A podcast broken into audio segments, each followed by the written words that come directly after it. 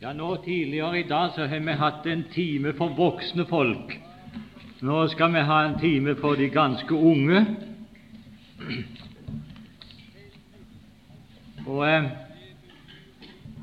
I går kveld etter kveldsmøtet så, eh, så Eller i dag, kan vi si, så eh, ble det liksom enda litt mer om å gjøre for meg å eh, prøve å nå de unge. Eh, for eh, det var flere som stansa igjen der for å fornye sitt liv med Gud, og som ba om forbønn om forskjellige ting, både for seg sjøl og for eh, andre. Og blant de så var det ei ung jente som ikke kunne få det til. Og hun regnet seg ikke som noen kristen, men hun ville så gjerne bli det. Og så ba vi til Gud for. Men vi ble dessverre eh, måtte dessverre slutte litt tidlig, for de skulle pynte kirka til begravelse i dag, så eh, vi fikk eh, altfor lite tid å snakke med disse unge, og det følte jeg på i dag. Så nå håper jeg det, om de er her, håper jeg det at vi kan komme de litt til hjelp gjennom Skriften ved Den hellige ånd. Det ordet som vi har lest tidligere her i går, skal vi lese igjen i dag fra Første Mosebok 2, 18, om medhjelpen.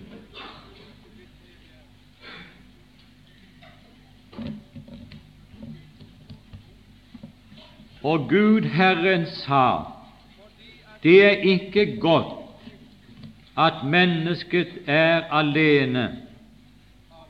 Første Mosebok 2,18. Jeg vil gjøre ham en medhjelp som er hans like. Kjære Herre Jesus, takk for du har lovt å være sammen med oss også i denne timen. Takk for at Din Hellige Ånd er her han som alene kan forklare Skriftene for oss, så ikke det bare blir teori, men liv. Og det er vår bønn, Herre, at det må bli liv i Ordet, slik som vi hørte, at vi ikke bare ser bokstaven, men at vi får kjenne Ånden og oppleve livet. Herre, jeg ber deg om det. Vil du lede mine tanker? Slik at det må bli det du ville ha fram, at det kan bli til hjelp og mulig for oss alle sammen. Amen.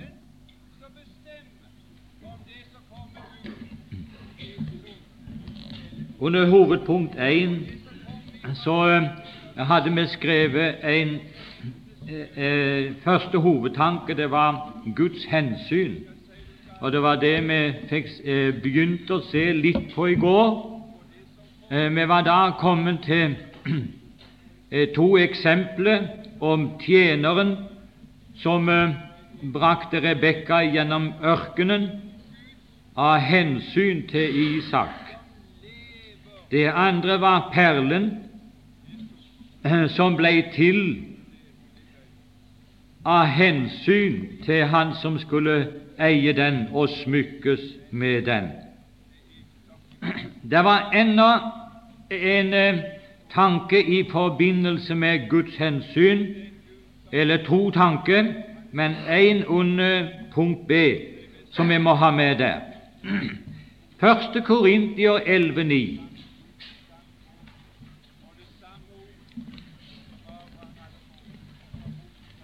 Første Korintier 11,9 Der kommer enda en tanke inn i forbindelse med Guds hensyn for å danne denne kvinna, denne medhjelpen. Og vi kan lese det, men vi leser litt flere vers enn akkurat det. Vers 7 kan vi lese ifra. For en mann skal ikke tildekke sitt hode ettersom han er Guds bilde og ære, men kvinnen er mannens ære. For mannen er ikke av kvinnen, men kvinnen er av mannen. Mannen ble jo heller ikke skapt for kvinnens skyld, men kvinnen for mannens skyld. Der henviser apostelen Paulus nettopp til denne tildragelse som vi leste om i Første Mosebok kapittel 2. Men vi kan ta eh, litt lenger ut Jeg vet ikke om vi kommer noen tid inn tilbake til den tanken der. Derfor bør kvinnen ha et undergivenhetstegn på sitt hode for englenes skyld.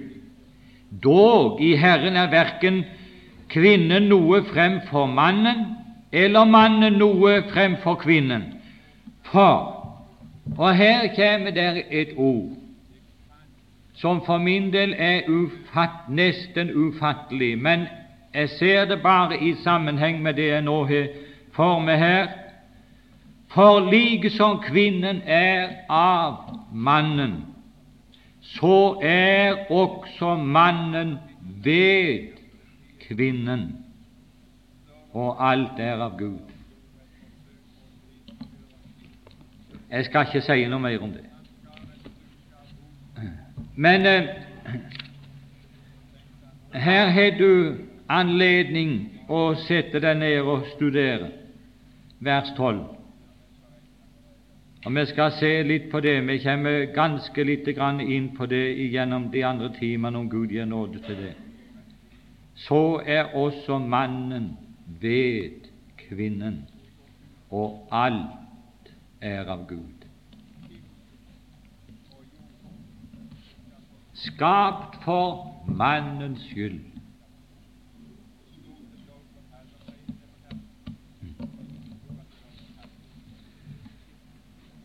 Det er nå Ja, la meg ta det med i neste punktet. Hvis du har skrevet A og B, så kan du nå skrive C under hovedpunkt 1.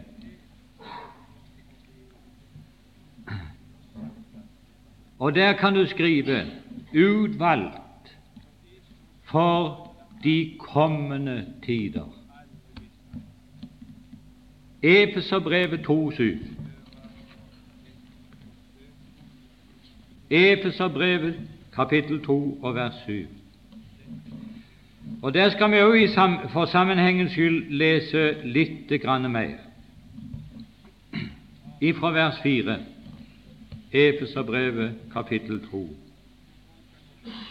Men Gud som er rik for miskunn, har for sin store kjærlighets skyld, som Han elsket oss med, gjort oss levende med Kristus, enda vi var døde ved våre overtredelser. Av nåde er I frelst, og oppvakt oss med ham og satt oss med ham i himmelen i Kristus Jesus. Og så kommer det et veldig ord som vi skal ha fatt i nå. For at alt dette her er her, at Han gjorde oss levende, Han oppvakte oss med Kristus, Han satte oss med himmelen i Kristus. Og så kommer det for at Han i de kommende tider kunne vise sin nådes overvettes rikdom i godhet mot oss i Kristus Jesus. Altså Gud, Han har kalt oss inn i sin frelse for at Han i de kommende tider Vel, nå vet jeg det at det er litt forskjellige syn på hva de kommende tider er for noe. Eh, det er de som mener at de kommende tider her taler om det som skulle skje i deres liv etter omvendelsen. At de tider som kom inn til graven, at Gud skulle vise sin nådes overvettes rikdom i godhet mot de gjennom livet. Ja, det er ganske sikkert alt det der. Det er nok det. Men jeg tror ikke det er hovedsaken. Hovedsaken, tror jeg, ligger i den evige verden. Og ifølge Paulus så, så tror jeg det at vi har våre ord i behold når vi taler om det. For eh, det er jo klar, må vel være klart for oss alle sammen at vi er frelst av hensyn til de kommende tider, dvs. Si den evige verden. Det er noe forferdelig å tenke på at vi er så nærsynte, alle sammen, mer og mindre nærsynte, at vi har vanskelig for å se de kommende tider. Vi var inne litt på det i går kveld eh, på møtet, om Paulus' syn på de kommende tider. Han gikk igjennom brått og brann. De kunne gjøre med han hva de vil. Hvorfor det? Ja, for han, han sa det jo mer de ødelegger meg, jo mer de slår meg, jo, jo mer herlighet blir der i de kommende tider. Jeg har ikke det synlige for øyet. Jeg har bare én ting for øyet, og det er det usynlige. Det er det evige. Det er den kommende verden. Hva det Paulus så? Og det var, eh, det var, noe Og jeg kan si det, eh, så som jeg visst nevnte i går, at det, var noe av kraften også det var noe av kraften i Paulus' liv. Han visste det. Jeg skal en dag stå for Kristi domstol, og så skal jeg gjøre regnskap for mitt liv. Og Det er underlig med det ordet som han sier i vers 11 der, altså 2. Korintia 5.10, sitert det nå, for vi skal alle åpenbares for Kristi domstol for at enhver kan få igjen etter det som er skjedd ved legemet, enten godt eller ondt. Hør, mine venner, det er noe av det som er blitt alvorlig for meg opp igjennom tiden, og det er å vite det. En dag, Arne, så er det din tur til å stå for den Herre Jesu ansikt. Så, er det, så skal du få lønnen av Hans hånd, den naglemerkede hånd. Og da, mine venner, da er det ikke godt å leve sløvt og likegyldig i denne verden. Jeg vet det at det er min lodd, det har Bibelen sagt, og det er vidunderlig med Bibelen. Den forteller oss ikke bare om den tiden vi lever i, den forteller oss ikke bare om vår frelse, men den forteller oss også om vår framtid. Jeg kan lese her åssen det vil gå med meg i framtiden. Og det var det Paulus så. Han var, han var frelst av hensyn til de kommende tider. Jeg kan godt si det, det at det var ei, tid i mitt liv at eh, jeg kunne, når gamle Gusten kom og spør, spurte Arne, kan ikke du begynne møtet i kveld, så sier det somme tid at eh, nei, kan, i kveld må du få en annen en, for eh, jeg er ikke sånn at jeg kan begynne møtet. Og så hendte det det at Gusten gikk fra den ene til den andre ned igjennom og kanskje tre, fire, fem Det er en stor skam. Og den skamma kommer på grunn av lite bibelkunnskap og overgivelse til Gud. Det tror jeg. Det hendte til og med Ja, jeg var nokså nyfrelst, og nå snakker jeg altså til unge, det er forstendig nok. Jeg var nokså nyfrelst.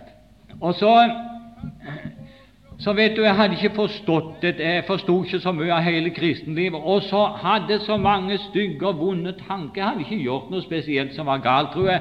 Men så var det onsdagen, og så da var det alltid møte på bedehuset. Og det var vidne- og bønnemøte. Og jeg er så glad for å høre at det her er det om lørdagskveldene her. Jo da, så, så tenkte jeg Og så verste var det at jeg gikk og kjente på at i kveld vil Gusten at du skal begynne møtet.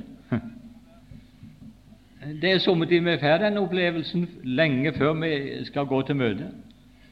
Hvordan i all verden skal jeg gjøre med det, tenkte jeg. Jeg kan ikke begynne møtet sånn som jeg ser, og, og alle vonde tankene mine og alt dette her. Ja, det var bare én ting å gjøre, det var å komme for seint, for jeg måtte jo på møte, for det var av det gildeste som fantes, det var å gå på møte. Jeg, jeg får komme for seint, tenkte jeg. Ja vel, men det var ikke godt, når hjertet brant etter å være sammen med de troende. Men, men, jeg måtte holde meg, og, og, og så gikk jeg hjemmefra, så jeg var sikker på at når jeg kommer til bedehuset, så er alt i orden, så har Gusten fått en annen en til å begynne, og så er det hele i orden. Ja, når jeg kom ned igjennom nærmere med bedehuset, så hørte jeg at, eh, så hørte jeg at de sang. Så tenkte jeg ja, nå er det greit. Og gikk inn. Jeg pleide alltid å sitte på en av de øverste benkene, sånn litt til venstre, til venstre for talerstolen. Men den dagen da bare lurte meg inn i døra, og så satt vi bak noen andre eh, borte gjennom der, eh, helt på siste benken. Ja, så var de ferdige med å synge, så tenkte jeg å, hvem er det nå som skal begynne? Så gikk Gust nå på plattformen, altså, og så kikket han sånn over brillene. Å, jeg ser du sitter der, Arne. Du er grei å komme opp og begynne møtet. Jeg ble beint fram sinna på gusten. Ja. Men eh, jeg ble nødt til å begynne møtet. Hør, min venn. Ja, Nå må jeg være litt forsiktig. Men etter at jeg har fått se noe inn i Skriften om det som vi har for oss nå, så sier jeg nesten aldri nei. Hvorfor det? Nei, fordi at Gud har gitt meg en oppgave i denne verden, i denne tidshusholdning, som skal virke for den evige verden.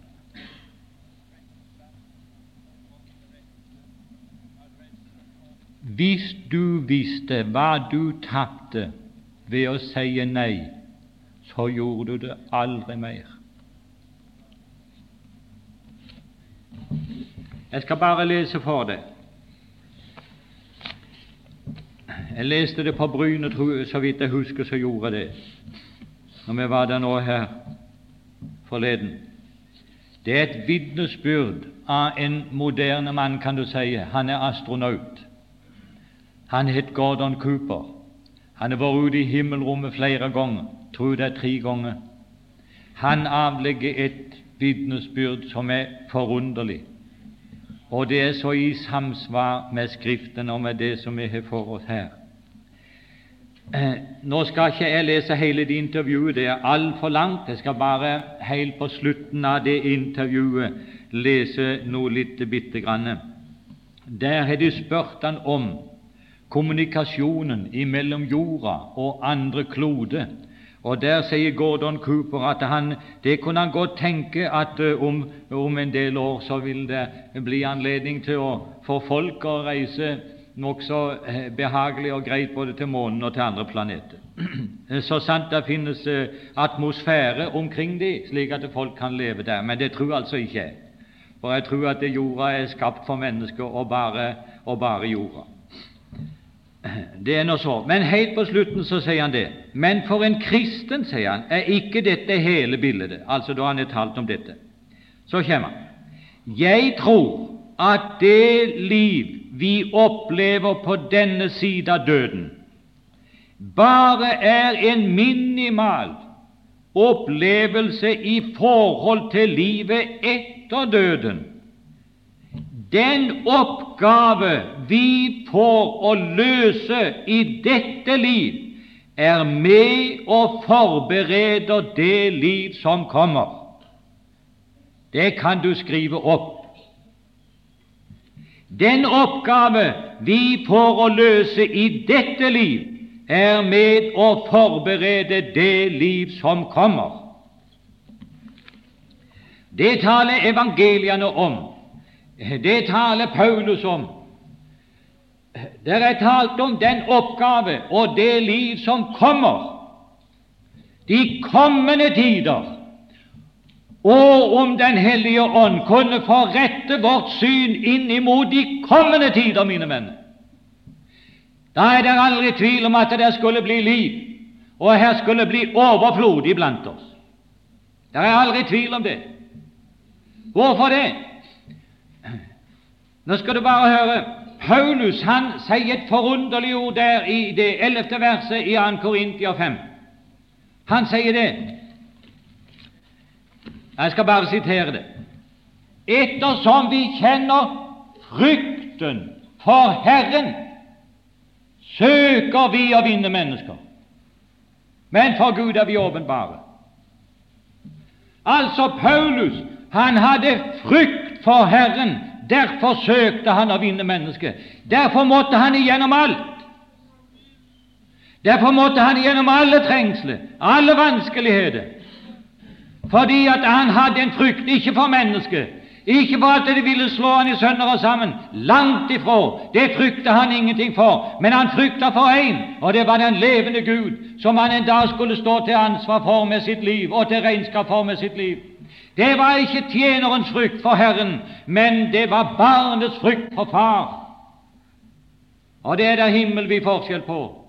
Og hør, mine venner, den frykten skulle jeg ønske at Den hellige ånd kunne formidle også i mitt hjerte.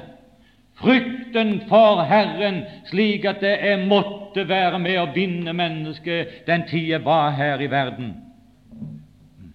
Også det vil, de, vil den kommende tid åpenbare. Når, når vi leser litt om det, og om Den hellige ånd kunne få, få åpne våre øyne litt bitte grann F.eks.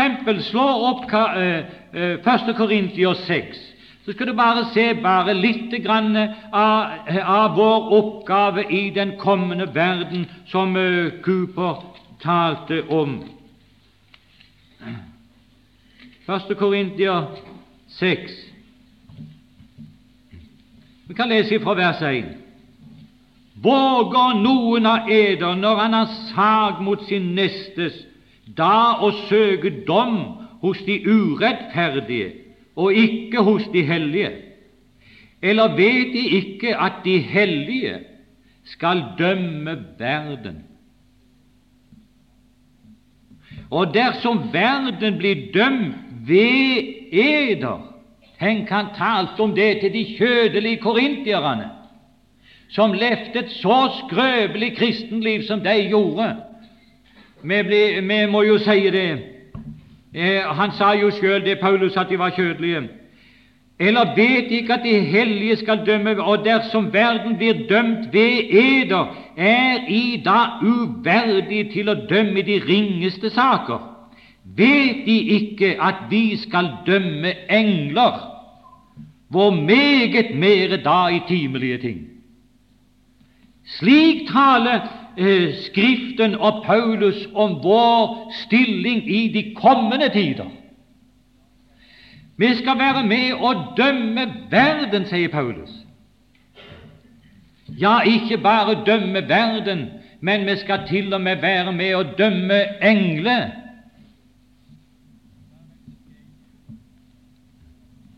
Så høyt vurderer Gud menigheten at han setter de inn i en slik stilling og en slik ansvarsfull stilling som det er, og til og med dømme engler.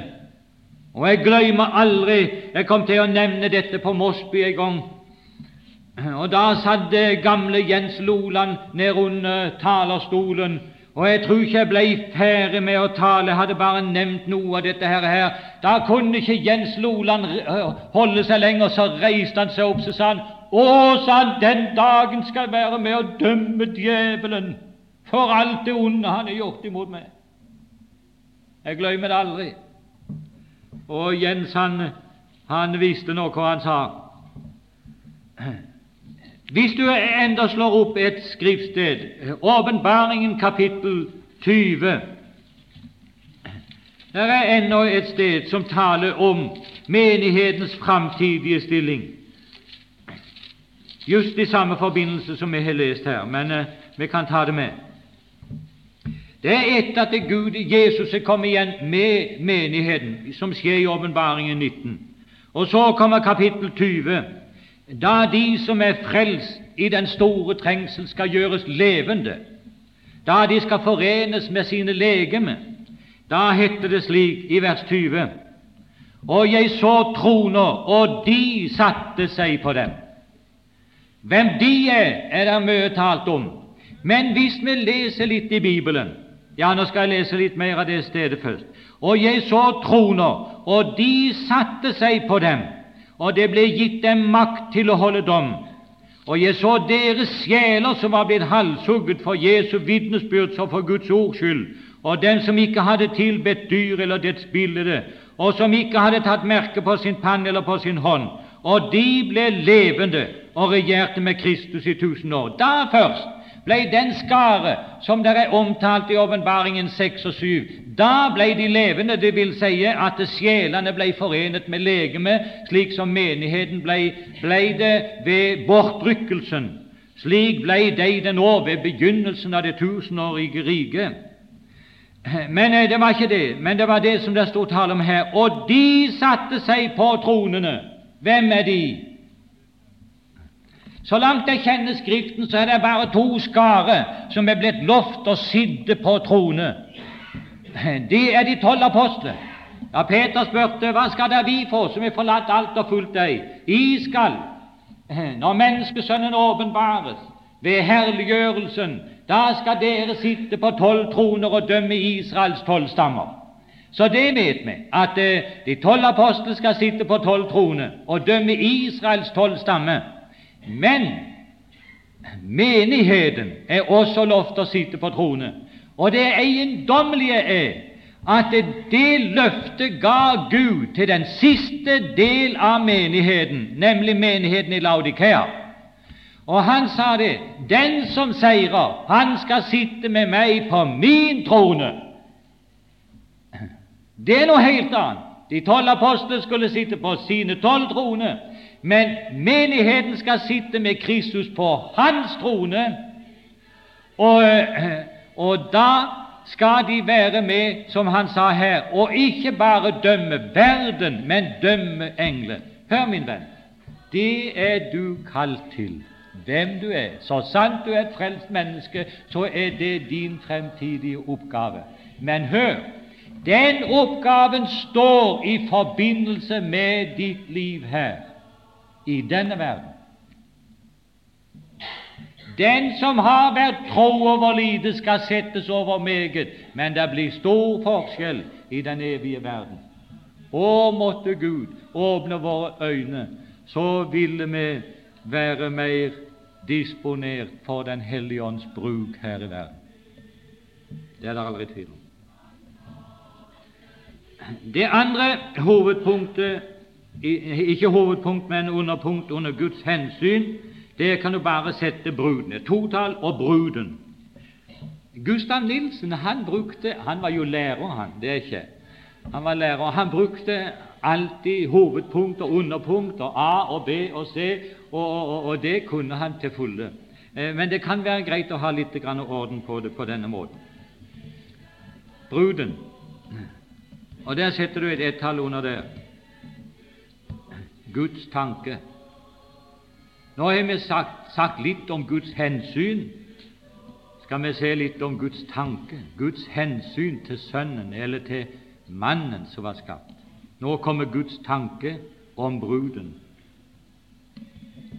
Da tror jeg vi skal notere først, så er for min del mer fri. En, han utvalgte. Efeserbrevet 1,4. Eller du kan sette etter Guds tanke, så kan du sette Efeserbrevet 1,4, så blir det mer orden på det. Så kommer en Han utvalgte, vers 4.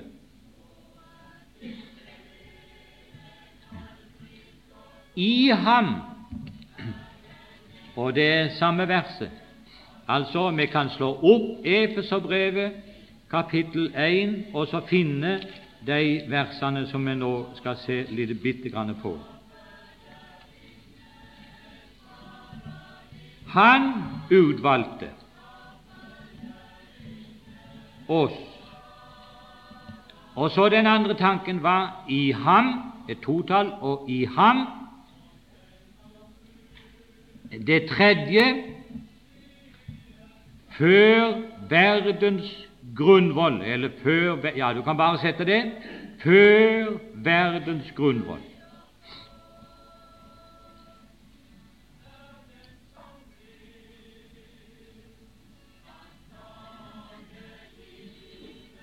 Fire i kjærlighet.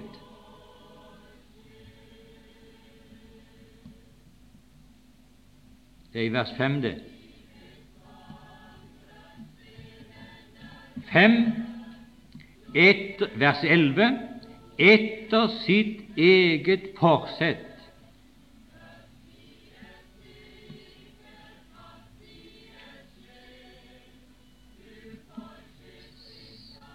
Seks, etter Hans vilje.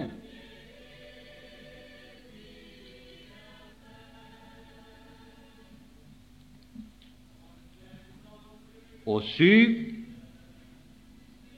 ja, etter hans vilje, det er vers 11, og likeså vers etter hans eget forsett, også det er vers 11. Så kommer syv etter hans forutviden. Første Peter 1, 1 og 2.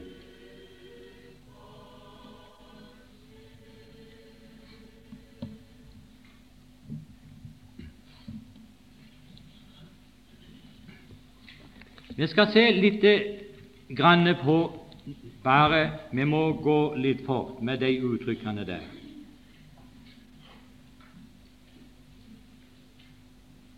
Kjære Timmy, klokka er halv tolv, snart tolv. Hvor lang tid kan det ta? Kan det ta to er fem over tolv?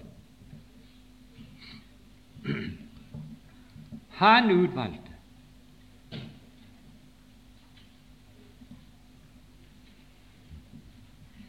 Jeg må si at for min del er det et av de store ord i Bibelen. Han utvalgte. Han.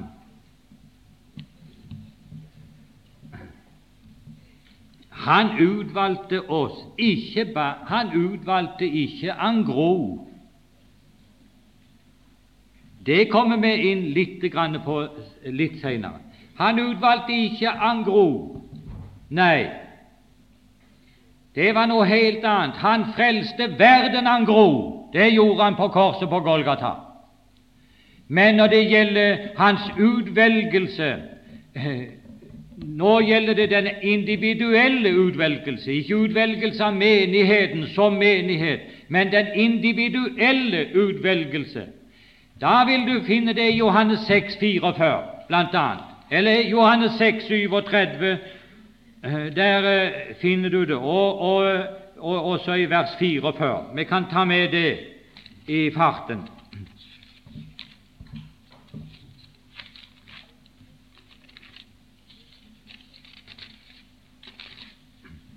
Der eh, sier han det jo på denne måten vers 37. Alle de som Faderen gir meg, kommer til meg.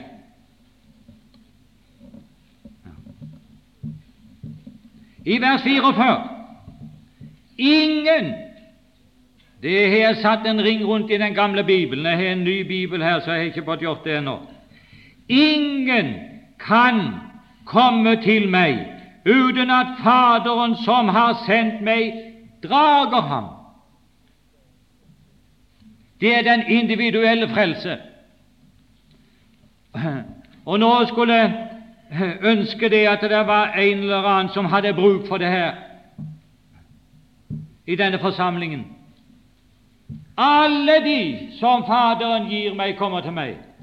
Det er et av de mest forunderlige ord jeg kan tenke meg i Bibelen, som står i, i, i Johannes 17. Der taler han om dem som du har gitt meg av verden. Seks ganger bruker han det uttrykket der, Jesus om Faderen, i den ypperste prestelige bønn. Dem som du har gitt meg av verden. Hør nå, mine venner. Her er så mange mennesker og mange predikanter. Jeg har kanskje sagt det sjøl òg at det er bare et skritt igjen, så er du frelst. Det er bare et skritt fra verden til Gud. Det er bare det, mine kjære venner, at det skrittet der er det ikke et menneske som er tatt inn til i dag. Ikke én. Åssen snakker du, Arne? Nei, jeg tror, jeg, jeg tror det er sant når jeg sier det. Eh, for hvis jeg og du kunne ha tatt et skritt inn i Guds frelse, så hadde vi gjort noe positivt til vår frelse, men det er det ikke et menneske som gjør. Guds frelse er helt og aldeles og alene i Guds hender. Og det forteller Kolossenserbrevet 1.13 med, på hvilken måte det skjer at et menneske blir frelst. Kolossenserne 1.13 jeg tror jeg skal bare sitere det. Når det står 'Han som fridde oss ut av mørkets makt og satt oss over i sin elskede sønns rike. Må jeg få lov å spørre, hvor er ditt skritt henne der, det siste skritt inn i Guds frelse? Hvor finner du det henne? Ingen sted. Det eneste et menneske kan, eh, det høyeste et menneske kan oppnå, det er å synke i sammen som en fortapt synder utenfor porten. Vel å merke utenfor porten. Det er det høyeste et menneske kan oppnå i denne verden når det gjelder forholdet til Guds frelse. Og der utenfor porten er det at Gud må rekke sin arm ut og så løfte oss ut av syndens verden og sette oss over i sin elskede Sønns rike. Men priset være Gud, det er en vidunderlig sannhet. Det var det som skjedde med meg. Og hvis jeg da skulle ha avlagt et personlig vitnesbyrd, så må jeg bare få si det slik jeg trodde jeg grei, kunne greie å bli frelst. Jeg trodde, selv om det var forferdelig vanskelig, så trodde jeg det, at bare ved å si ja, så, så tok jeg dette skrittet inn i Guds rike, osv. Og, og vet du noe? Og jeg oppdaget det at jeg greide det ikke. Jeg greide ikke det skrittet. Jo, jeg sa ja, det gjorde jeg, men eh, så ble det med det. Inntil mange måneder etterpå sank i sammen som en fortapt synder, og så sa jeg til Gud jeg greier det ikke. Jeg går fortapt. Hvorfor det? Jeg greide ikke å vinne seier over synda mi. Jeg greide ikke å ta skrittet ut ifra synda og inn i Guds frelse. Jeg greide det ikke. Jeg går fortapt. Men hva skjedde det?